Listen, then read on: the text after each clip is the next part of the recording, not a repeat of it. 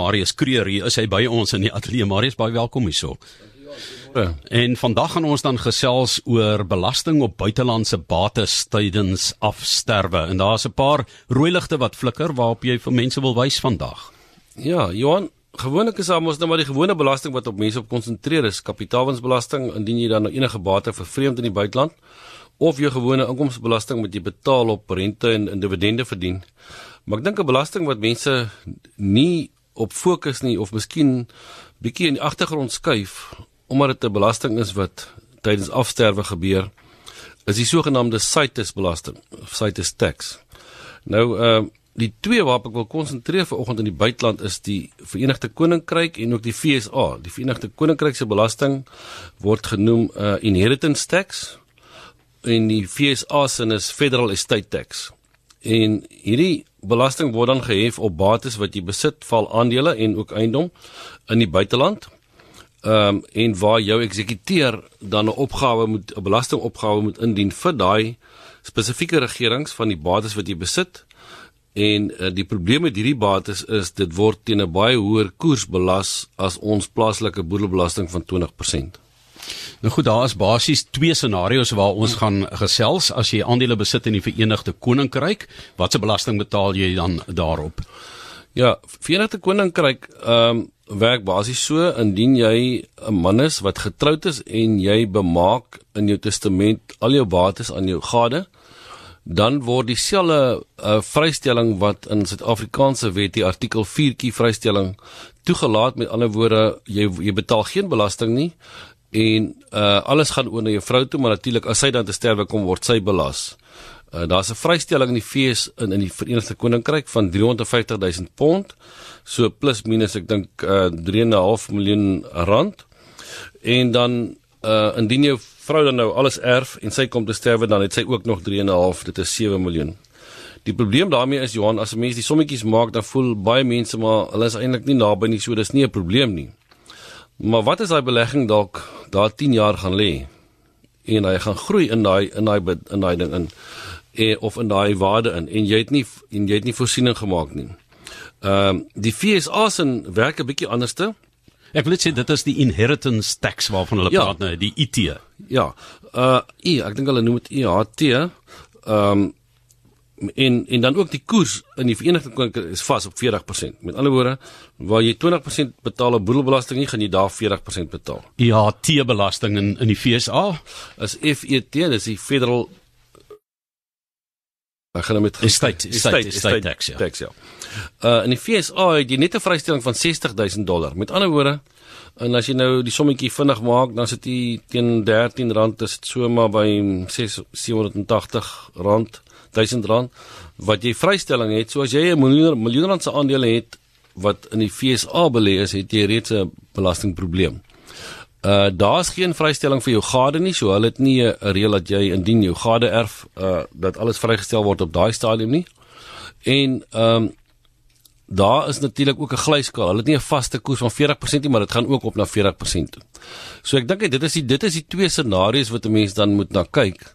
Indien jy 'n portefeulje in die buiteland het, gewoonlik sal jy met 'n so 'n portefeulje plus minus 80% ehm uh, 70 tot 80% sal FSA aandele wees tans en miskien 20% sal Europese en uh, Verenigde Koninkryk aandele wees. Goed, maar in Suid-Afrika boedelbelasting dink ek het jy by geleentheid gesê 20%. Dis 20% ja.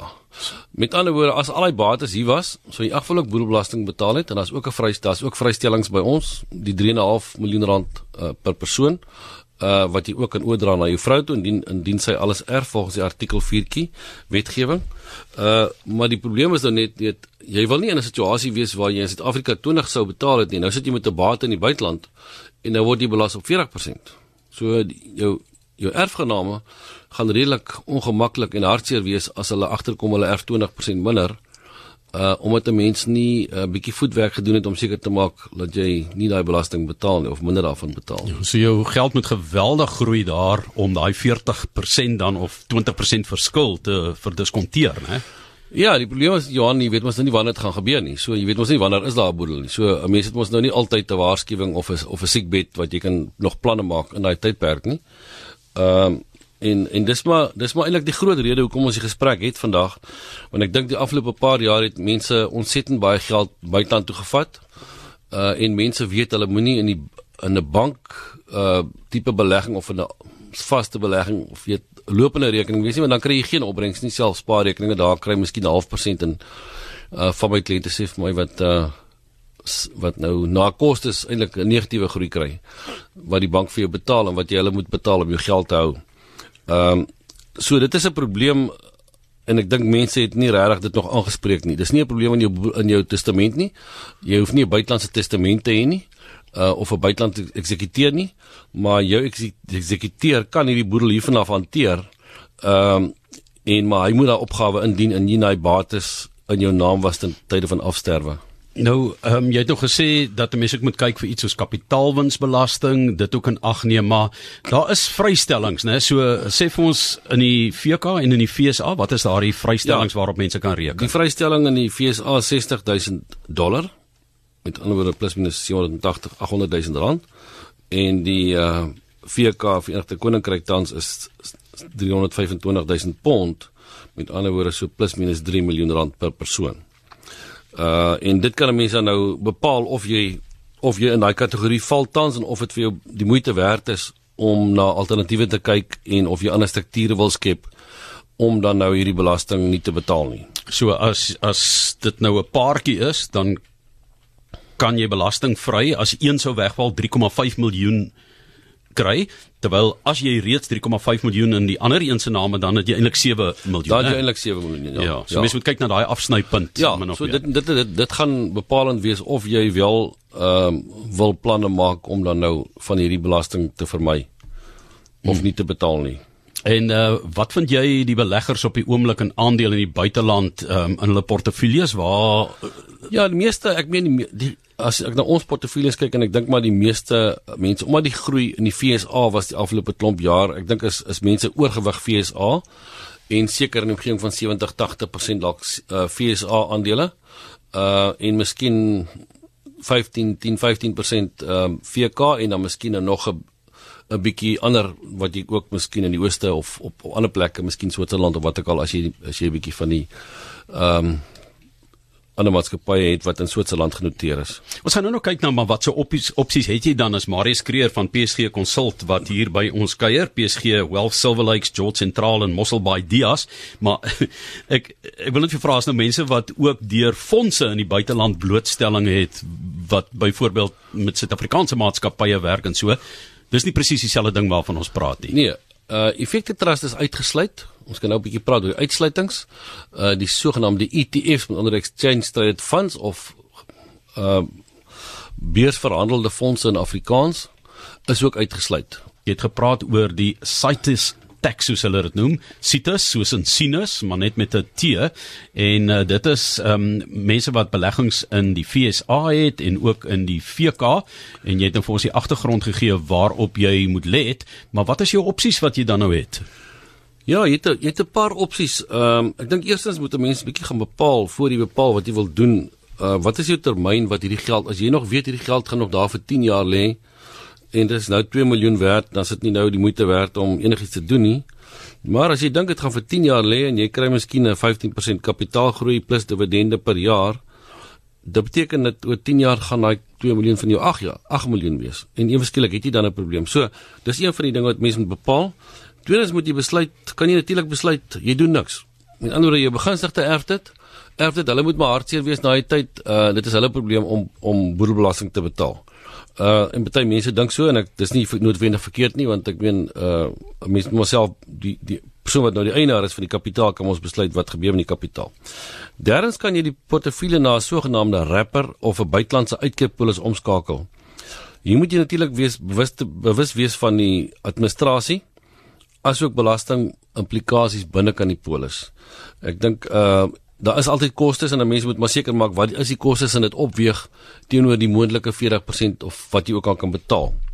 Ehm um, vierens kan jy natuurlik ook 'n buitelandse maatskappy stig en jy kan uh die bate in die maatskappy hou met anders as die maatskappy die bate besit en jy kom te sterwe dan as daar nie die sogenaamde sites nie belasting nie. Maar ek dink nie ons sal voorstel iemand dit doen wat minder as 10 miljoen het, het daarso nie omdat 'n maatskappy in die buiteland jy betaal jou kostes in pond of in dollar of wat ook al en dit is nie goedkoop nie. So jy gaan lopende kostes hê per jaar daarso en oor 'n klompie jaar gaan dit dalk 'n paar rand wees, maar ek dink vir mense wat regte groot geld het, uh is is dit een van die opsies.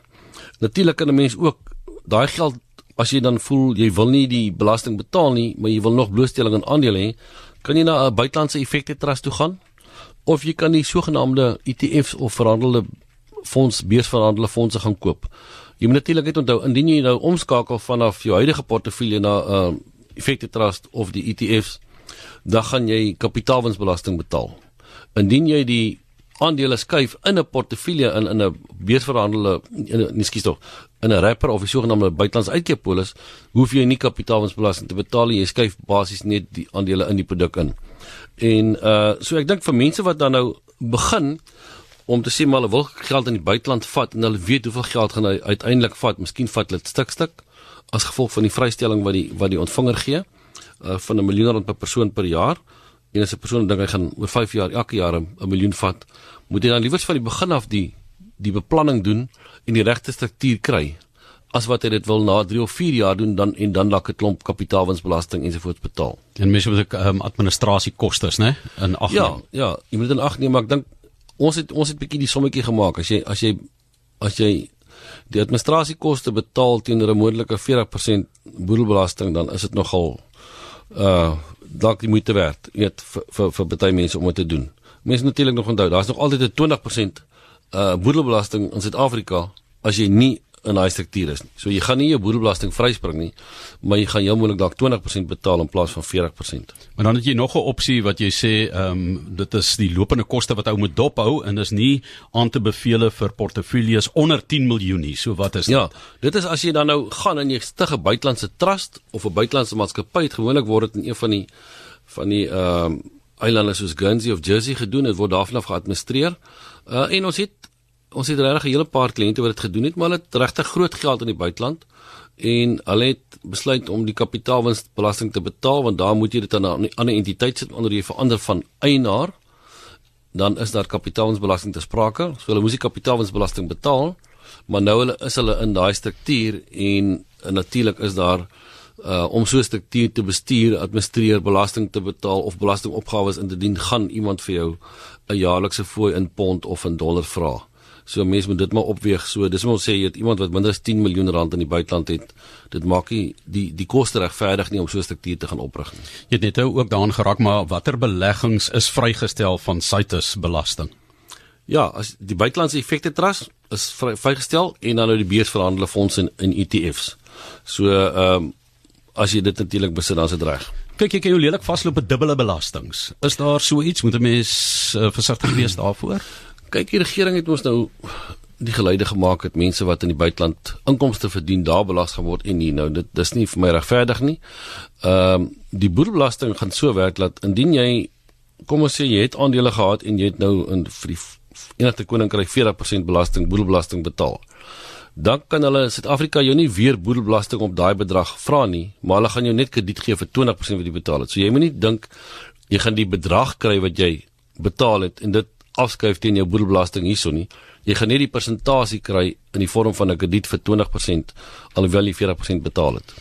So hierdie hele oefening gaan daaroor om nie die addisionele 20% te betaal wat jy meer moet betaal ehm um, vir buitelandse bates indien jy buiteland baie buitelandse bates het nie. Maar Marius, dan is die kern van ons program eintlik vandag om boedelbeplanning te doen. Ja, Johan, dis wat ek sê, as 'n mens as 'n mens 'n testament opstel en jy doen boedelbeplanning, dan moet jy na al jou bates kyk. Ehm uh, baie keer kom mense by ons aan en hulle wys net 'n bietjie vir jou van hulle bates. Ek weet nie of baie keer is mense bang om al hulle bates vir jou te wys. En nou doen jy beplanning en hierdie goed is nie deel daarvan nie. Of dis lê 'n ander struktuur of miskien in die vrou se naam of wat ook al. Nou word dit nie in ag geneem nie. Maar dis wat ek sê, as iemand vir jou boedelbeplanning doen, gee vir hom al die inligting. Al die bates wat jy het, al die strukture wat jy het en daarvolgens moet jy dan beplanning maak En ook moet jy 'n bietjie van 'n kontantvloei doen en 'n vooruitskatting doen en sê maar wat is my lewensverwagting? Dit is my lewensverwagting nog 15 jaar is en ek dink ek gaan nie hierdie geld terugbring Suid-Afrika toe nie. En hierdie geld lê vir 15 jaar, dan moet ek probeer bepaal wat gaan die waarde wees oor 15 jaar sodat ek daai strukture nou kan regkry. Dis soos iemand wat baie keer 'n trust by ons kom en sê maar al my bates is in my eie naam. Ek gaan soveel boedelbelasting betaal, kan ek dit nie na 'n trust toe vat nie. Nee nee, jy gaan 'n skenkingsbelasting betaal as jy nou 'n trust toe vat. En nou is daar die hele rente ding om by lenings is ook nou aangespreek deur die ontvanger. So jy kan ook nie net meer 'n lening maak of 'n rentevrye lening aan jou trust en die groei uit jou boedel uithaal nie. So daai daai beplanning moes jy eintlik al baie lank terug gedoen het. Maar is ehm um, ek wil ek wil sommer net kort stel, dis vangplekke waarvan mense nie altyd weet nie want jy dink jy is slimmer as die kundiges wat elke dag daarmee werk. Is so belangrik om met die regte mense te gesels en in voeling te bly ook met veranderinge wat eintlik jaarliks plaasvind soos wat ons sien in ons uh, nasionale begroting ook. Daar's altyd nuwe dinge wat gebeur wat jou geld sake en jou beplanning kan beïnvloed. Mens kan nie net vir 10 jaar lank beplan en dan verwag alles gaan dieselfde bly nie, né? Verseker Johan, ek dink ook dit uh, ons baie keer 'n bietjie as ek miskien die woord kan gebruik milieu gestrem. Ons ons kyk na wat in Suid-Afrika gebeur en dit ons het eintlik al gedink man as ons nou in Suid-Afrika bly, die FSA nie regtig gesê oor ons of dit is nie so nie. As jy bates besit wat daar is, val 'n gedeelte van jou bates onder onder hulle jurisdiksie en word jy belas daarvolgens. So jy moet regtig behoogte wees van waar jy bates het, hoe word jy belas, wat is die netto effek op jou boedel en op jou opbrengs uiteindelik uh indien jy daai keuses maak met buitelandse bates.